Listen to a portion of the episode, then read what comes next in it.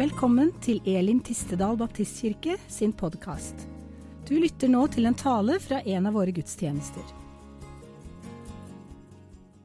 som lever på avstand fra deg, men vi er sønner og døtre, Jesus, av deg. Vi takker deg for det. Vi ærer deg, og vi priser deg. Takk, Herre, at du, når du dro til himmelen, så sendte du din Hellige Ånd.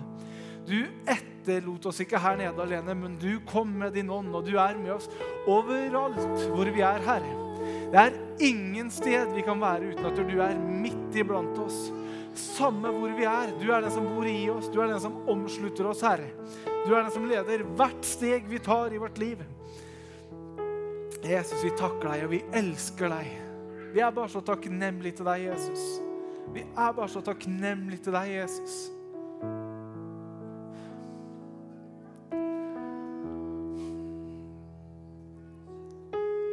Herre, uten deg, vi hadde bare vært fortapt. Vi er så langt borte uten deg, Herre. Og ikke bare har du vaska oss rene, og ikke bare har du tilgitt oss, men du behandler oss som at det aldri har skjedd før.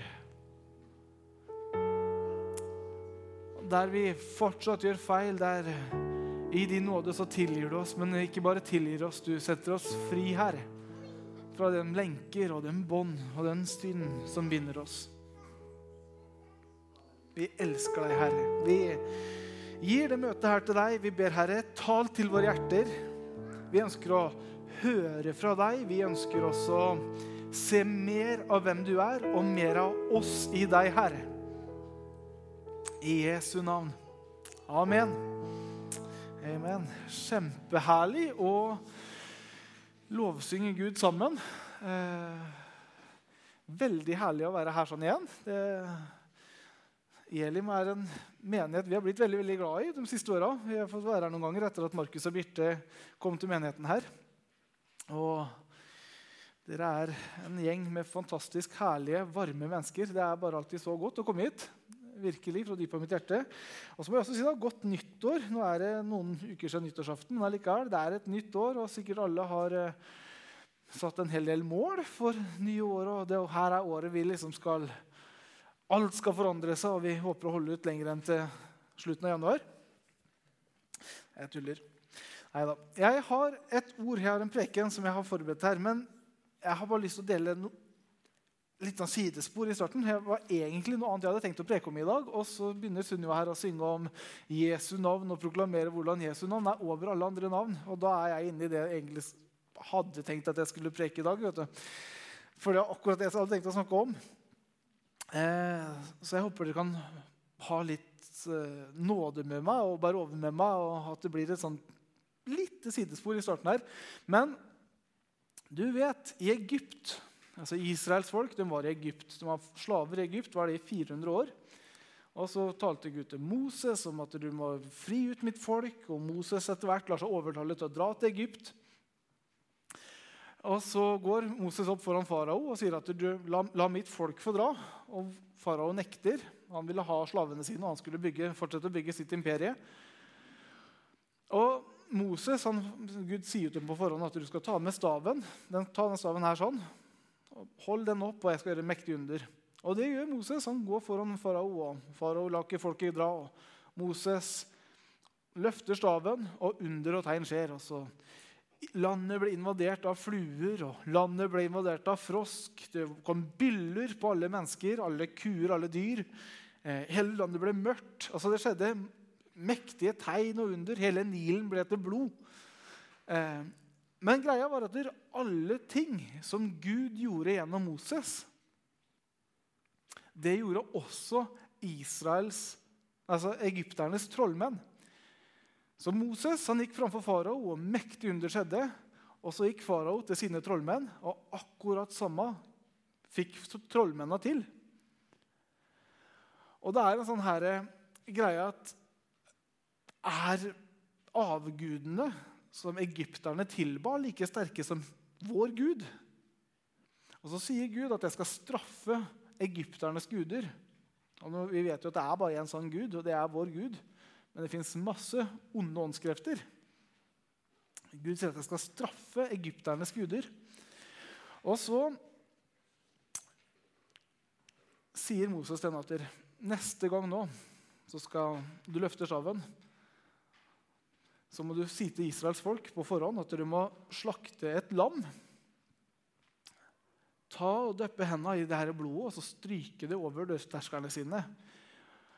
Når de gjør det, og de holder seg inne i huset, når dødsengelen kommer, så kommer dødsengelen til å passere alle de her husa, men inni husa det ikke fins blod som, altså fra et lam som israelittene har slakta, kommer dødsengelen til å gå inn, og førstefødte kommer til å dø. Og da er greia det her, Greia er det at i egypternes kultur man hadde mange guder, og man hadde én gud som var dødens gud. Det er ganske sykt. Det var liksom en egen gud for død. Og det egypterne gjorde for at dødens gud skulle holde seg unna dømmes hus, var at en gang i året så ofra de et dyr på dørterskelen sin. Og I den dørterskelen, i egyptiske hjems dørterskel så var det et sånn høl. Man ofra lammet på dørterskelen, og blodet fra det dyret det rant ned i det her hølet. Og så tok man og døppa handa i det her blodet, og så smurte man over dørterskelen. Altså, det, sånn var det i Egypt. Og nå tror faktisk en del at det er den dagen her som Gud gjør det her underet, det er den dagen som egypterne også ofrer et dyr. Tar blod og smører over dørterskelen. Og så skjer jo det da at natta kommer, og dødsengelen går ut. Og alle israelittene har smørt blod fra et lyteløst lam, som er et bilde på Jesus over dødsterskelen sin. ikke sant? Og Mest sannsynlig, eller kanskje også, så har alle egyptere også smørt blod fra et eller annet dyr. Antakeligvis ikke et lam, men fra et eller annet dyr over dødsterskelen sin. Dødsengelen går inn i alle egyptiske hjem og alle i alle egyptiske hjem så dør den førstefødte.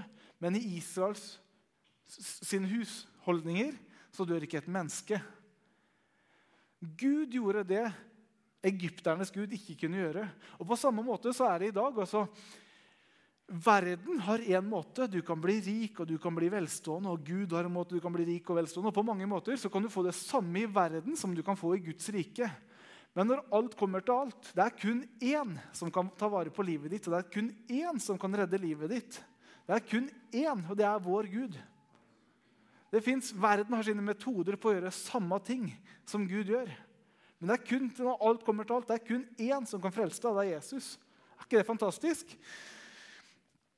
Og det tok litt tak i meg i lovsangen her, så jeg måtte bare dele det. Men det er ikke det jeg egentlig har tenkt å preke om. da, så kanskje jeg kan preke om det en annen gang. Litt i, gå litt mer i detalj på det. Men det jeg har lyst til å snakke om i dag, det er altså Tittelen på budskapet det er 'Se hvordan de elsker hverandre'. Se hvordan de elsker hverandre.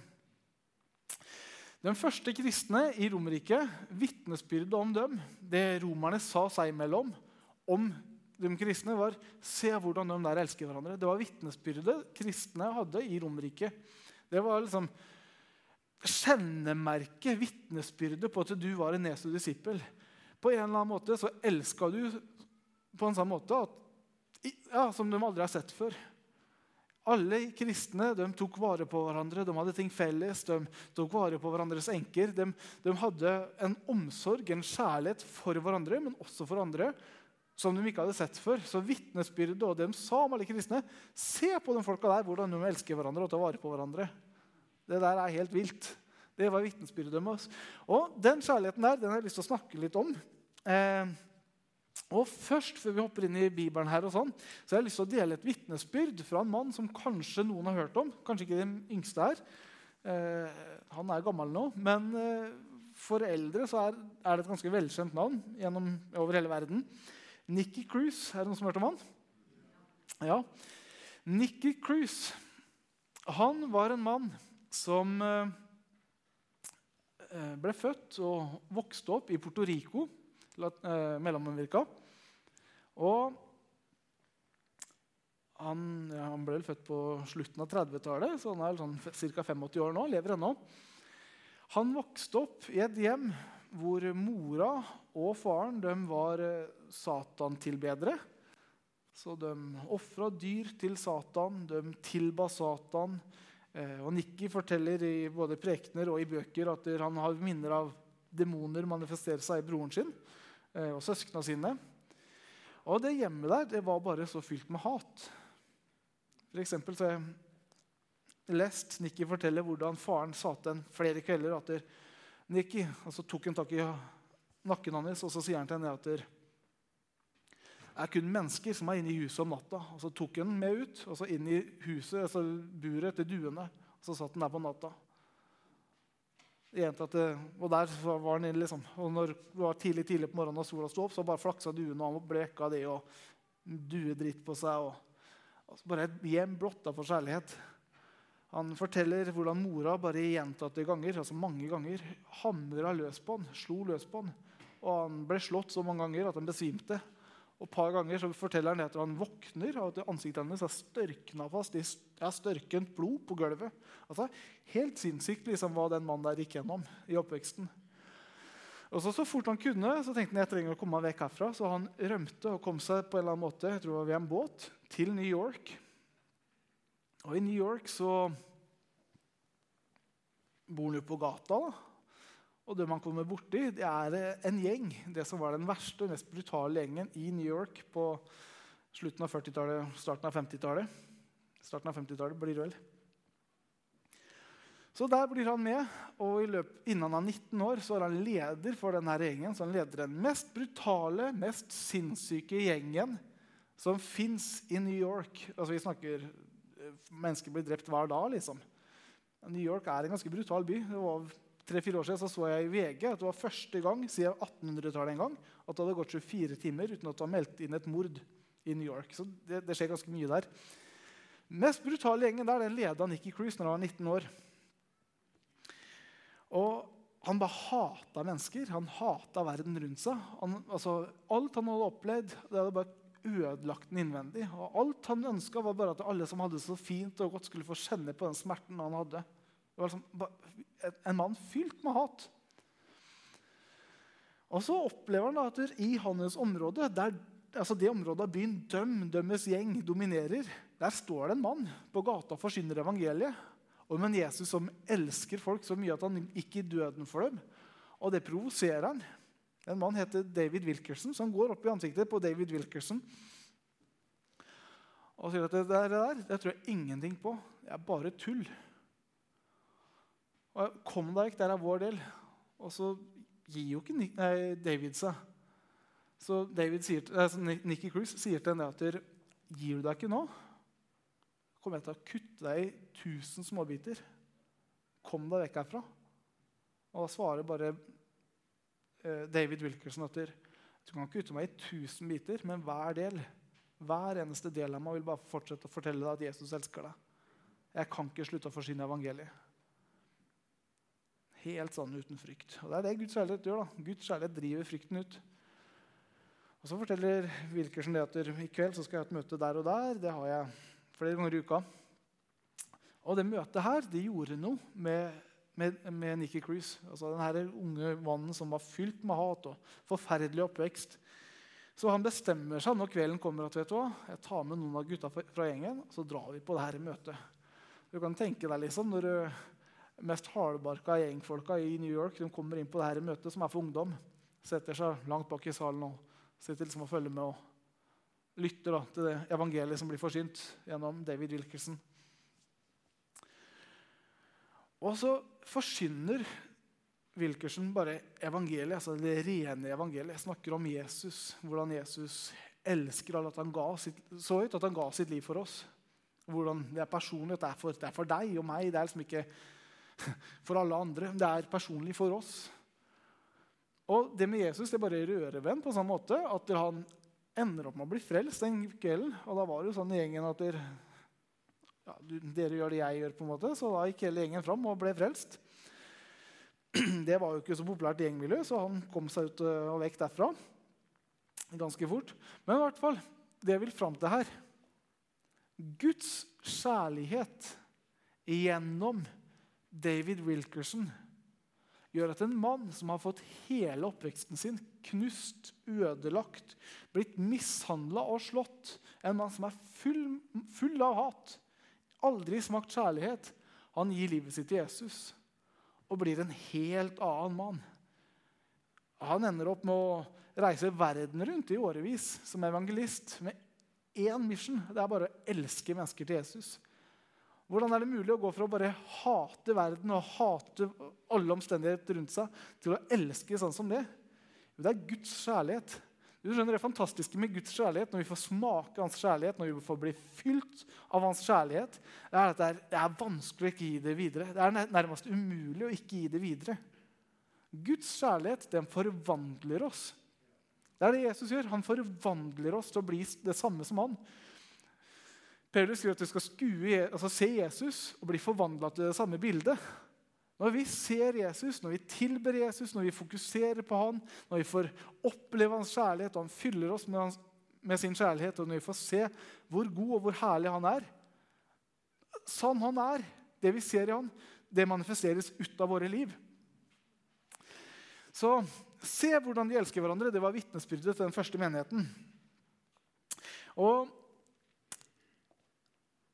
er, det her var noe Jesus fokuserte veldig på. da. Altså Det med kjærlighet, det å elske verden rundt seg. Eh, siste dagen Jesus hadde med disiplene, altså jeg mener, siste dagen før han blir korsfesta, så setter Jesus seg ned og snakker med dem. og det, Hele Johannes 13, 14, 15, 16 er en, et langt referat liksom, fra denne samtalen. Og Jesus han underviser dem om Den hellige ånd, han underviser dem om livet etterpå. Men også gjentatte ganger så sier han til dem Johannes kapittel 13, vers 34 og 35, så sier han det Et nytt bud gir jeg dere. Dere skal elske hverandre. Som jeg har elska dere, skal, skal, også dere elske hverandre. Og så sier han av dette, av det her, av dette skal alle kjenne at dere er mine disipler. Om dere har kjærlighet til hverandre. Sånn her skal alle vite at dere tilhører meg, at dere elsker hverandre. Det fins en måte hele verden kan bli konfrontert med Jesu vitnesbyrd. Jeg sier ikke at alle kommer til å bli frelst. Jeg sier heller ikke at alle kommer til å høre evangeliet forsynt. Men alle mennesker blir konfrontert med Jesu vitnesbyrd ved den agapekjærligheten som Jesus snakker om her. sånn. En helt uselvisk, en helt ren kjærlighet som kun fins i Jesus og alle som lever med Jesus. Den kjærligheten der, altså greit, Alle kommer kanskje ikke til å spørre, alle kommer ikke til å høre evangeliet, men alle blir konfrontert med at den kjærligheten her, det her er noe helt nytt jeg ikke har sett før. Det her har jeg ikke opplevd noe annet sted. Og Det åpner dører. Det åpner hjerter. Videre altså bare legg merke til at Når Jesus sier det, det er faktisk, Han sier ikke at 'jeg har et fint forslag til dere'. Kanskje dere skal ta litt vare på hverandre. Han sier 'jeg har et nytt bud til dere'. Altså, Et annet sted så sier faktisk Jesus at hele loven og hele profetene er oppfylt i det her. At om dere elsker hverandre, så lever vi i kjærlighet. Det er umulig liksom å trå feil. Videre så sier Jesus i Johannes kapittel 15, fra, fra, eh, samme samtale, 15 og vers 12 og vers 17. Dette er mitt bud, at dere skal elske hverandre liksom jeg elsket dere. Og i vers 17 er mitt, eh, dette er mitt bud, at dere skal elske hverandre. Som andre ord, Jesus gjorde det kjempetydelig. liksom. Han har siste kveld med gutta. Og han bare gjør det kjempetydelig for dem. Jeg har ett bud til dere. Han sa ikke mer om det her enn at man skal gå ut i all verden og forsyne evangeliet. denne det siste kvelden med dem. Og jeg tror kanskje at Noe av grunnen til det er at ved å elske hverandre så åpnes døra også for evangeliet. Det, Jesu vitnesbyrd, også her vitnesbyrdet om at vi er Jesu disipler pga. kjærlighet, det åpner hjerter, det åpner dører for at vi kan forsyne evangeliet. Ofte så tror jeg vi er mer altfor opptatt av nå skal vi fortelle evangeliet. her liksom. Og så sitter mennesker med lukka hjerter, og så er det ingenting av det som får gå inn. Men kjærlighet, omsorg, godhet det åpner menneskers, menneskers hjerter. på en sånn måte at Når vi endelig da liksom får sagt noe av evangeliet, så er det faktisk ting som får satt rot. da.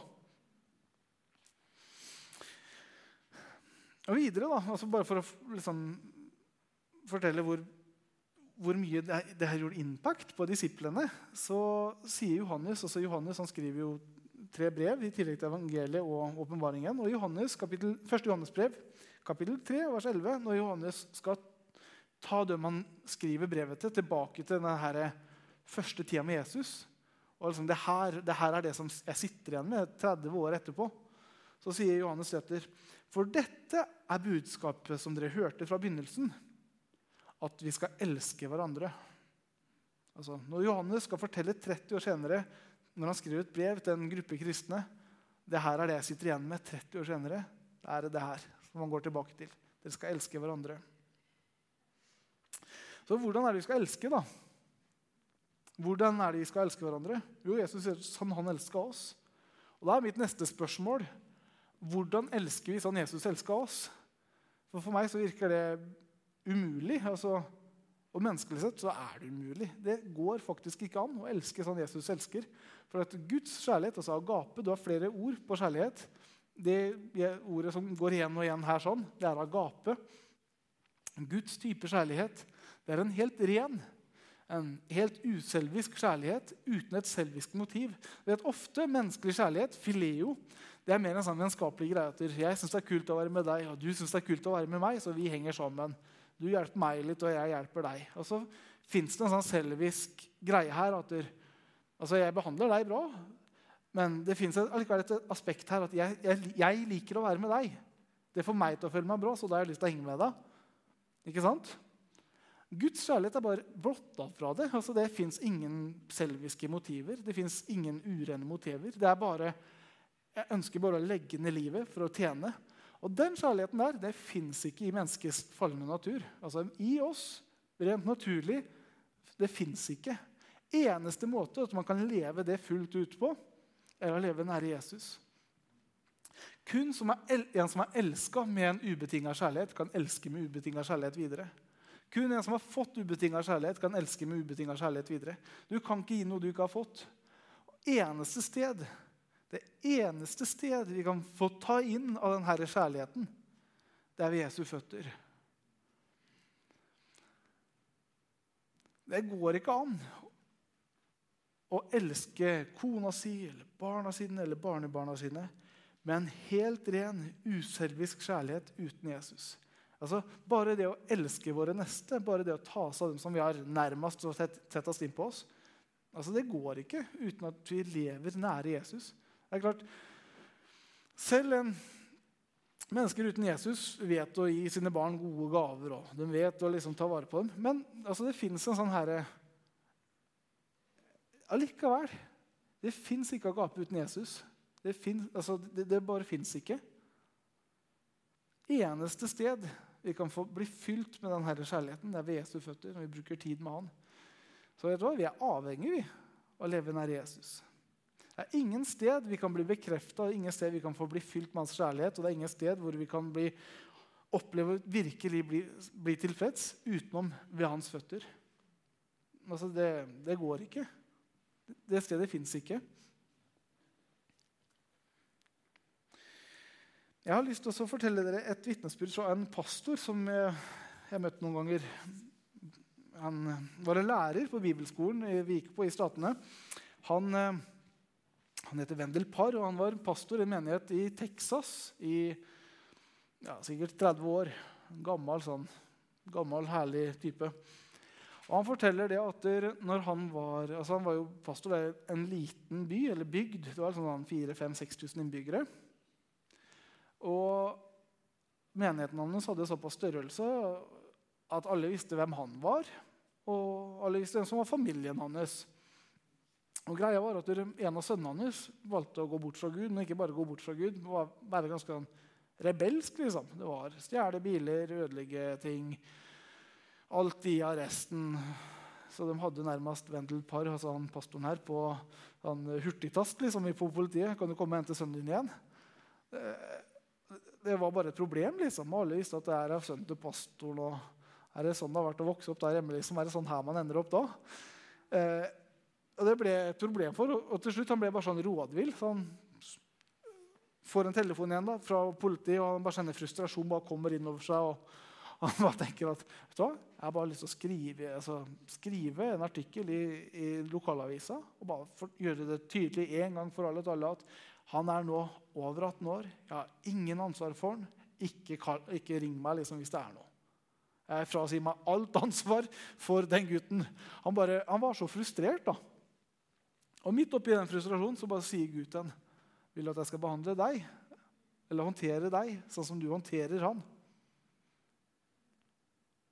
Og Han tenker som en gang eller to og tenker at jeg tar poenget ditt, Gud. Det, det her er Jeg gjør feil hele tida, og det eneste jeg blir møtt med, er nåde. Så han eh, ombestemmer seg da og kjører ned og plukker opp sønnen på vei til, til eh, ja, dit han skal hente opp, eh, altså på politistasjonen, hvor han skal hente sønnen sin, så sier Gud til ham at 'jeg vil at du skal kjøpe en helt ny truck til den'. Så når han våkner i morgen tidlig, så skal det stå ny truck til i oppkjørsla. Og han bare ja, men 'Det her fortjener han i hvert fall ikke. Liksom. Skal jeg belønne dårlig oppførsel?' Men han ender faktisk opp da, med å kjøpe denne trucken til den. Og Morgenen etter så kommer gutten ned fra soverommet, og Vendel møter han, og så har han bilnøkkelen i hånda, og så gir han bilnøklene til han, og så sier han etter du, 'Jeg har noe til deg ute i gården.' Jeg. Og han går ut og ser, og der står det en helt ny Silverado. Det er, ja, det er bilen sin, for å si det sånn, da. Hvis man er glad i store amerikanske biler. Så han går ut i gården, og der står Silveradoen. Og han, responsen er bare Men hvorfor i all verden gir du den til meg? liksom? Jeg bare skaper problemer og tull og elendighet her. Og fra den dagen så begynner gutten å få livet sitt og så snu livet sitt. Det blir stopp på stjeling, det blir stopp på å gjøre hyss og tull. Og Så går det litt tid, og så gir gutten livet sitt til Jesus. Men vendepunktet ble at man har gjort noe feil, men møtet man får, er bare en ubetinga kjærlighet isteden. Istedenfor denne frustrasjonen som man så lett heller kunne gitt. Guds fullkomne kjærlighet, Guds type kjærlighet, den snur situasjoner. Altså, den kan Alle mulige situasjoner hvor, hvor vi står midt oppi, liksom. Hvor, det, hvor, du ikke ser noen sånn bra utvei på. Hvor du ikke menneskelig sett, ja, menneskelig sett kan snu sjøl. Bare håndtere det ved kjærlighet kan snu de her situasjonene helt opp ned. Paulus ber oss om å helle glødende kull over hodene på folk som gjør oss vondt. Og det han mener med det, er rett og slett når noen behandler deg som drit, når noen sier stygge ting om deg eller setter ut rykter om deg, velsign dem istedenfor. Broren min han, han hadde litt sånn i læretida. Han var lærling som CNC-mekaniker. Kjempehardt miljø på en bedrift i Fredrikstad. Og alle læregutta fikk gjennomgå der. Og jeg mener, Han ble spytta på, han ble sendt til å gjøre alt mulig drittjobb som egentlig ikke var lærlingenes jobb. Han ble snakka så mye negativt og drit til hele tida. Så da så sitter han og griner, og så sier pappa at ja, vet du hva? da hell litt glødende kull over hodet deres. Altså, hodet deres da, så møter det på en helt annen måte enn det du tenker nå. Så han velger det. Altså, ok, fra i morgen skal jeg komme et kvarter tidligere. Jeg skal være den som er der først. Jeg setter på kaffen til gutta og til og med kanskje helt opp så det er klart til dem. Og det begynner han å gjøre. Og ting bare snur. Vet, kjærlighet det snur situasjoner. Kjærlighet det myker opp hjerter som er harde. Guds type kjærlighet den, det snur situasjoner opp ned. Et fantastisk bilde på denne kjærligheten det er Jesus siste kvelden før han blir forrådt. Johannes kapittel 13. Så står det i Johannes begynnelsen av kapittel 13 at, Johannes, at Jesus vet hvem som skal forråde ham. Det, det begynner kapittelet med. kapittel vers 2. At Jesus vet hvem som skal forråde ham. Og så videre så går Jesus til og når han kommer inn til nattverdsmåltidet, så sier han til dem først at før dere setter dere ned, så vil jeg vaske føttene deres. Og Så begynner han med Peter og med Johannes og med Jakob og alle de snille gutta. Men så jo, har du en disippel her da, som tidligere liksom den dagen eller dagen før har solgt Jesus for 30 sølvpenger. Og Jesus vet hvem det er. Og Jesus bare ser opp på han, og så vasker han føttene til Judas også. Når han vet at han har forrådt meg, han har solgt meg, og jeg vet, jeg vet åssen død jeg kommer til å dø. Og jeg vet at det er han som har forrådt meg. Og Allikevel så vasker han føttene på, på, på oss og Judas. Og så sier Jesus til at sånn jeg har tjent dere, til Jesus til disiplene. Sånn jeg, sånn jeg har tjent dere og lagt ned livet mitt for dere, vil at dere skal tjene hverandre og legge ned livet for hverandre. De orda der bærer mye mer når man vet at Jesus visste, og Judas var en av dem. Med andre ord, Jesus sier sist, altså det er en siste kvelden før Jesus blir korsfesta. Jesus sier til dem etter Den som vil være stor i mitt rike, han skal være alles tjener. Jeg vil at dere skal tjene hverandre. De som gjør drit mot dere, de som setter ut rykter mot dere, de som behandler dere dårlig, de som behandler dere urettferdig. Møt det med kjærlighet. Dere har fått en kjærlighet utøst i deres hjerte. Dere har fått en hellig ånd. Og En av åndens frukter det er kjærlighet. Så Midt oppi, midt oppi at vi er pressa, midt oppi at vi går gjennom vanskelige ting, vi kan elske tilbake. Vi kan bare elske tilbake. Og Det er sånn, det kan faktisk komme naturlig da, ut fra vårt hjerte. Det trenger faktisk ikke være sånn, nå skal jeg ta meg sammen. Noen ganger så er det jo også sånn at vi tar oss litt sammen. Men vi kan faktisk komme dit i vårt kristne liv at eh, samme hva folk kaster på oss, det som kommer ut av oss, er kjærlighet. Sånn var det med, når du leser om Stefanus i Bibelen. Apostlenes gjerninger, kapittel 7. Så står det at dere, så står det om hvordan de tok en ung mann som het Stefanus. Han tjente ved bordene i den første menigheten i Jerusalem. En ung mann som het Stefanus. Og konfronterer han litt, og Stefanus svarer med å forsyne evangeliet. Og det gjorde fariseerne. Det er jo på en måte Ja, fariseerne, alle vet hvem det er. En gruppe religiøse ledere som elska Moselov og elska de altså israelittiske skikkene. Og var ikke så veldig mottagelige liksom, for noe nytt. De hata det at Stefanus sto der og forsynte evangeliet, så de responderte med å gire opp folket med så mye hat at de endte opp med å steine Stefanus på gata.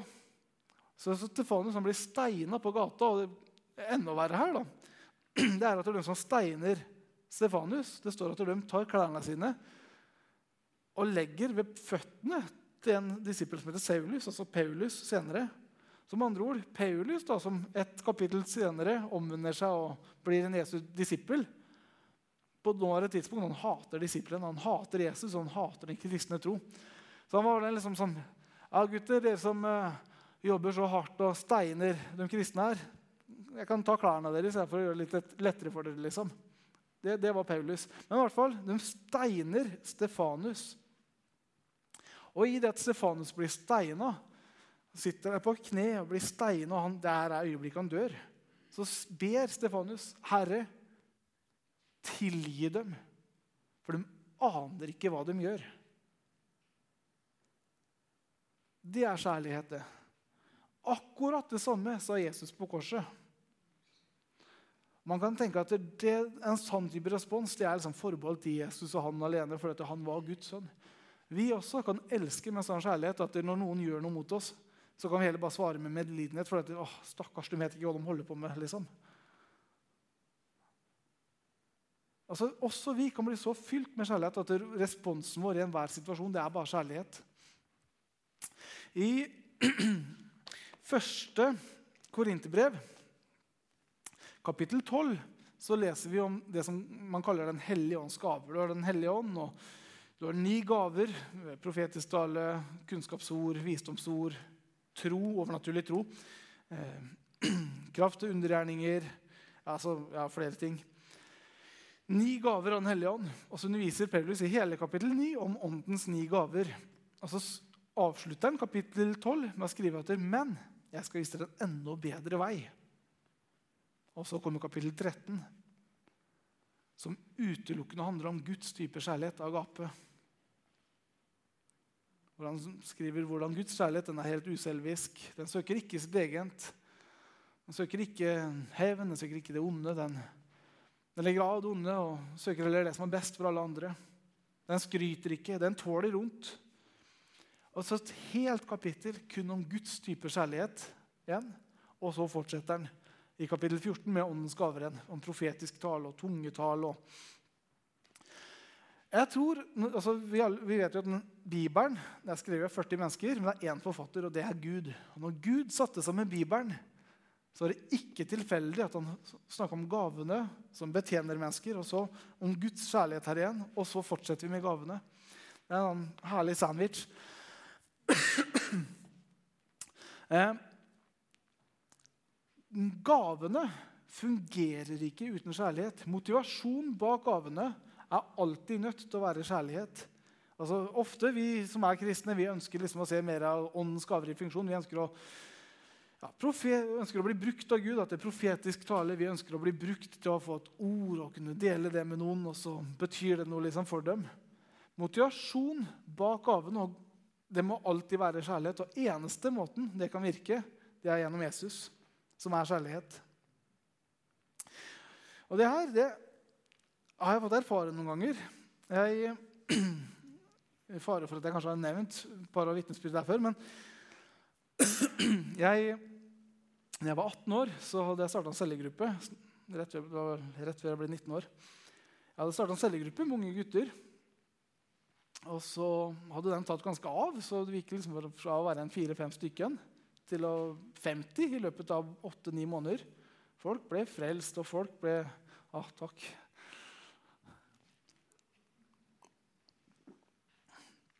Folk ble frelst, og folk ble døpt i Den hellige ånd. Eh, og folk var så on fire. så Det var liksom, det var ikke så mye at jeg leda folk til Gud. Det var mer at ja, de var supergira. liksom. Så Nesten hver tirsdag så når de kom til cellegruppa, så hadde de en ny en. Liksom, jeg ba for han i friminuttet, da han ble helbreda, og så ble han frelst. og så, Greit han kommer, eller? Det var liksom, og sånn var det. Det var liksom hele tida. Helt ville tilstander. Eh, broren min starta en ny generasjon på en skole eh, i Fredrikstad. Setter opp liksom, Første samling kommer ikke et menneske, så han ender opp med å gå, inn, gå ned i kantina og så steller han seg opp på bordet til frustrasjon fra dem som uh, drev, holdt på i kafeen der. Og så bare klapper det igjen og bare eh, Alle sammen! Vi skal ha sånn kristenmøte oppe på musikkrommet nå. Så veldig kult om dere vil komme. altså.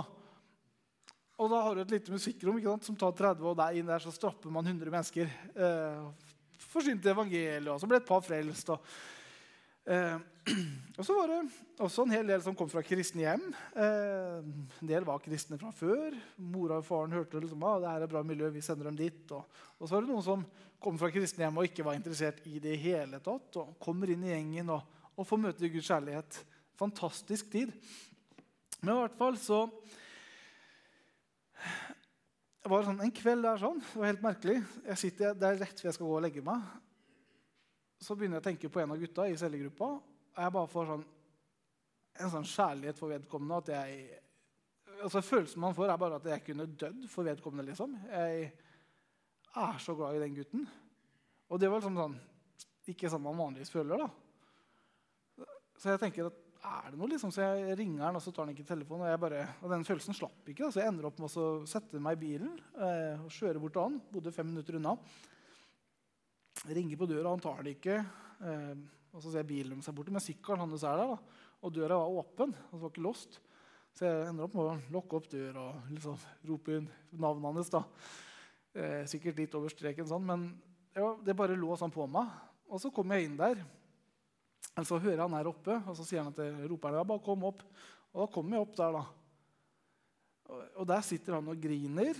Eh, sitter med noe, ja, en haug med piller i handa.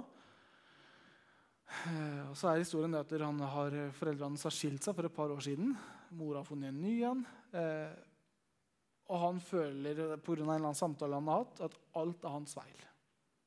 At mamma og pappa gikk fra hverandre. Det var fordi han var så rebelsk liksom, i den tida. Og han tenker nå skal jeg bare hive innpå der. Nå er jeg ferdig med det her. Guds kjærlighet virka før det der.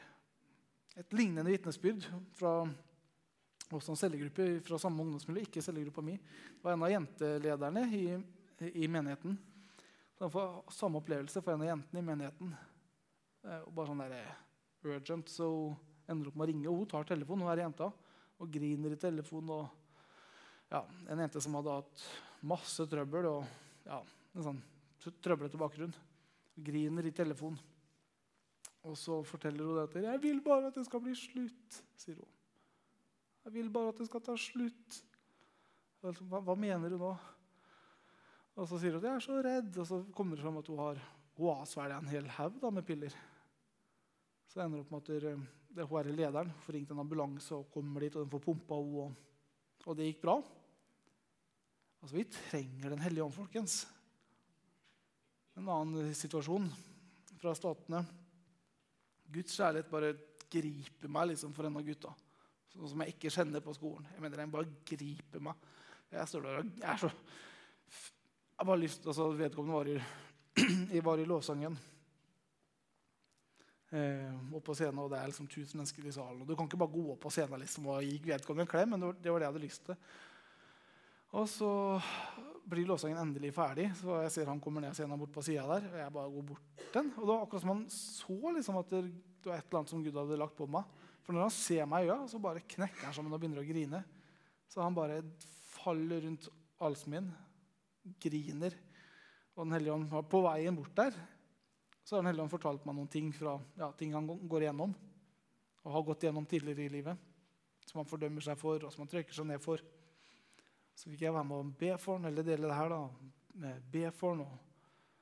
betjene rett og slett med evangeliet hvordan Gud setter fri fra, fra fortid, hvordan Gud leger alle sår. Men fellesnevner for alt sammen det er kjærligheten først. Altså, jeg tror at Den hellige ånds gaver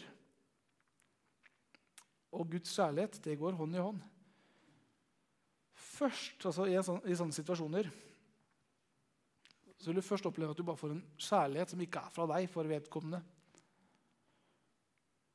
Og Så ofte så tror jeg liksom vi bare føler på det, og så er man ferdig med det, og så går man videre.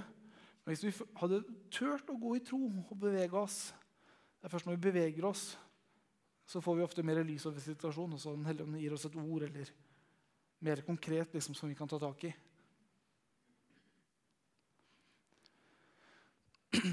Litt sidespor til det vi har snakka om, men allikevel så er det veldig relevant i sammenhengen. Det handler om Guds kjærlighet, det også. Guds kjærlighet i oss, det er vitnesbyrdet på at vi er hans disipler. Det, ved hans kjærlighet i våre liv, hvordan vi tar vare på hverandre, hvordan vi stiller opp for hverandre, men også dem rundt oss, kollegaer, venner, eh, folk på skolen. Et vitnesbyrd på at det er noe overnaturlig i de folka her. Ofte så ser man ikke det overnaturlige først. Man ser kanskje ja, den her kjærligheten da, som man ikke greier, greier å sette fingeren på, for man har ikke sett det noe sted. Verden kan ikke se Guds kjærlighet noe annet sted enn i oss. De kan se kjærlighet og en etterligning, sånn som vi snakka med egypterne på starten her, at deveren, eller egypternes guder, da, de gjorde samme under som himmelens, altså vår Gud. Men når alt kom til alt, så var ikke dømmes Gud mektig til å redde dem. På samme måte, altså Det fins mange etterligninger av kjærlighet, men det er alltid et selvisk motiv. I menneskenaturen, altså i vår menneskenatur, vi søker alltid vårt eget beste. I oss, i menneskenaturen, den fallende, den falne eh, i, i oss, vil alltid søke det som er best for oss. Hva er det jeg kan få ut av det her?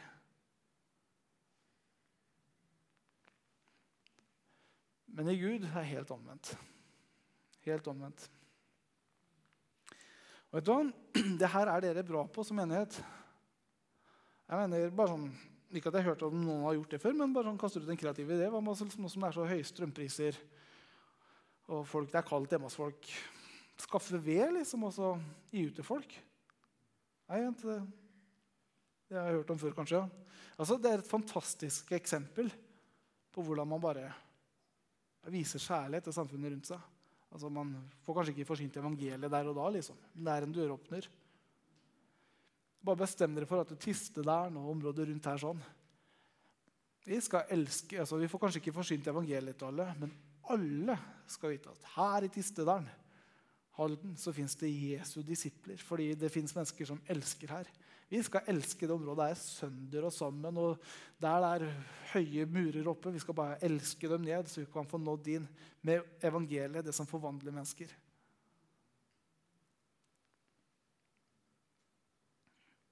Så det handler om å gå ut og bruke det vi har, men samtidig vi kan ikke gi noe vi har, så vi trenger å sitte ved Jesu føtter. Vi trenger å være da, bare bestemme oss for at det, det, her, det her er plassen hvor mitt liv blir forvandla. Jeg tar imot, så jeg kan ha noe å gi. Det er en verden rundt oss som forfaller. Det er en verden, altså mennesker rundt oss som kommer til å gå til helvete hvis ikke evangeliet får nå dem. Og vi kan gape i øra deres, så de ikke høre oss. Vi kan elske dem, og så kan vi få, likevel få nådd inn med noe. Amen? Kan vi ta oss og reise oss opp? Sunniva, du kan få komme opp her.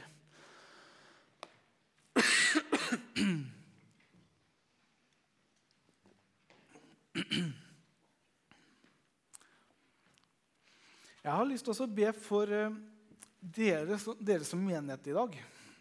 Eh, som kollektiv. Nå vet jeg det har skjedd mye spennende blant ungdommene her en, i en tid. og Det tror jeg bare skal fortsette. At flere unge mennesker skal få, bli, ja, få møte Jesus, bli frelst, eh, møte hans godhet og bli forvandla av ham. At det, det, som har skjedd, det er bare start på noen ting. Eh, enda mange flere skal få oppleve det. Og dere er allerede i gang med å elske samfunnet rundt her. Men jeg tror det er, er, det er bare starten på noen ting. Altså, det er mennesker her Gud vil nå.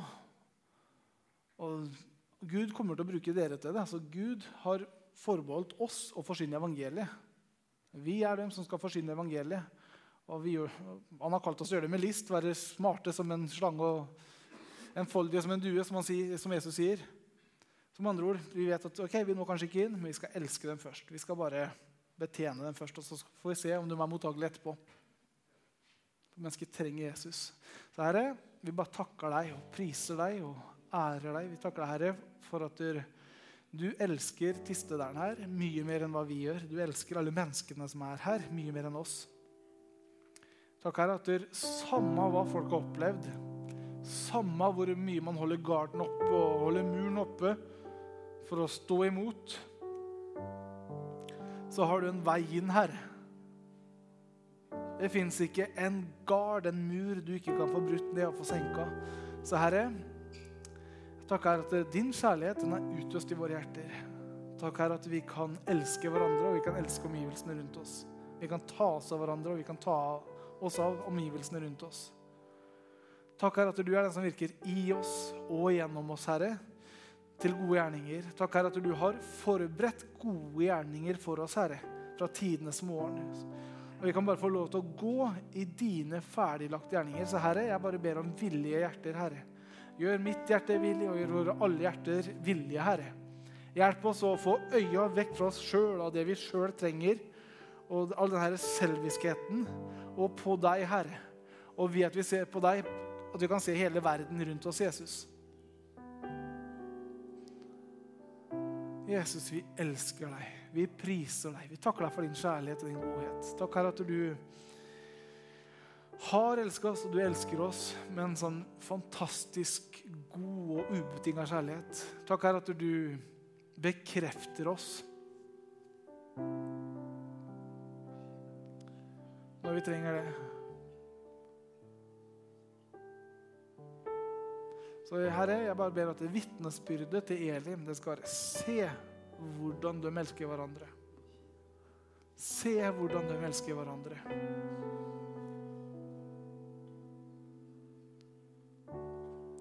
Halleluja, Jesus. Vi priser deg.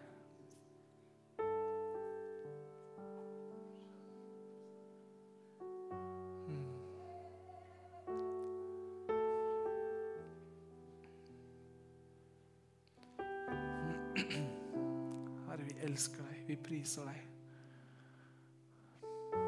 Herre, etter hvert så mennesker har fått garn såpass ned og kanskje til og med blir nysgjerrig på menigheten her, takker at det stedet her det skal være fylt av din herlighet.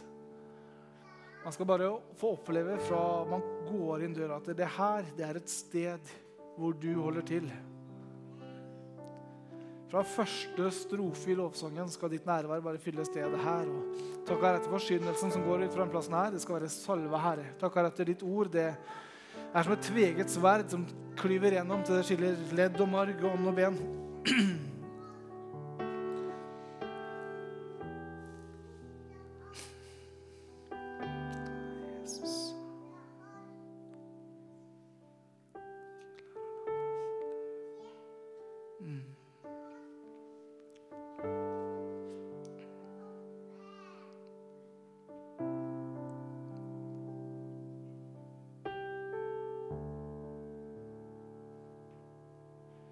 Jeg opplever at Den sier at det er noe nytt på gang her. Og så er det faktisk noen mennesker som har bestemt seg for skal vi holde fast ved tradisjonene våre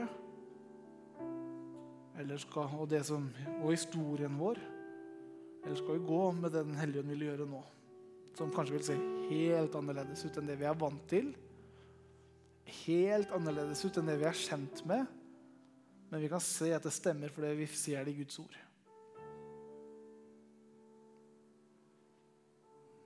Jeg tror man trenger å være åpen her for at ting vil ikke se ut i framtiden som det ser ut nå. Uttrykksform i dynamikken i salen her i forhold til Kanskje det er mange flere ja, internasjonale, eller om det er mange flere ja, yngre her, eller om uttrykksformen blir noe helt annet. Eller. Men vi vil bare gå med Den hellige ånd. Samme åssen det ser ut. Ingen preferanse, men vi skal gå med hva Gud har for, for den menigheten her. sånn. Jeg tror det er flere som trenger å ta, ta et valg på at vet du, Samme åssen det ser ut, bare jeg ser deg i Jesus, så går vi for det.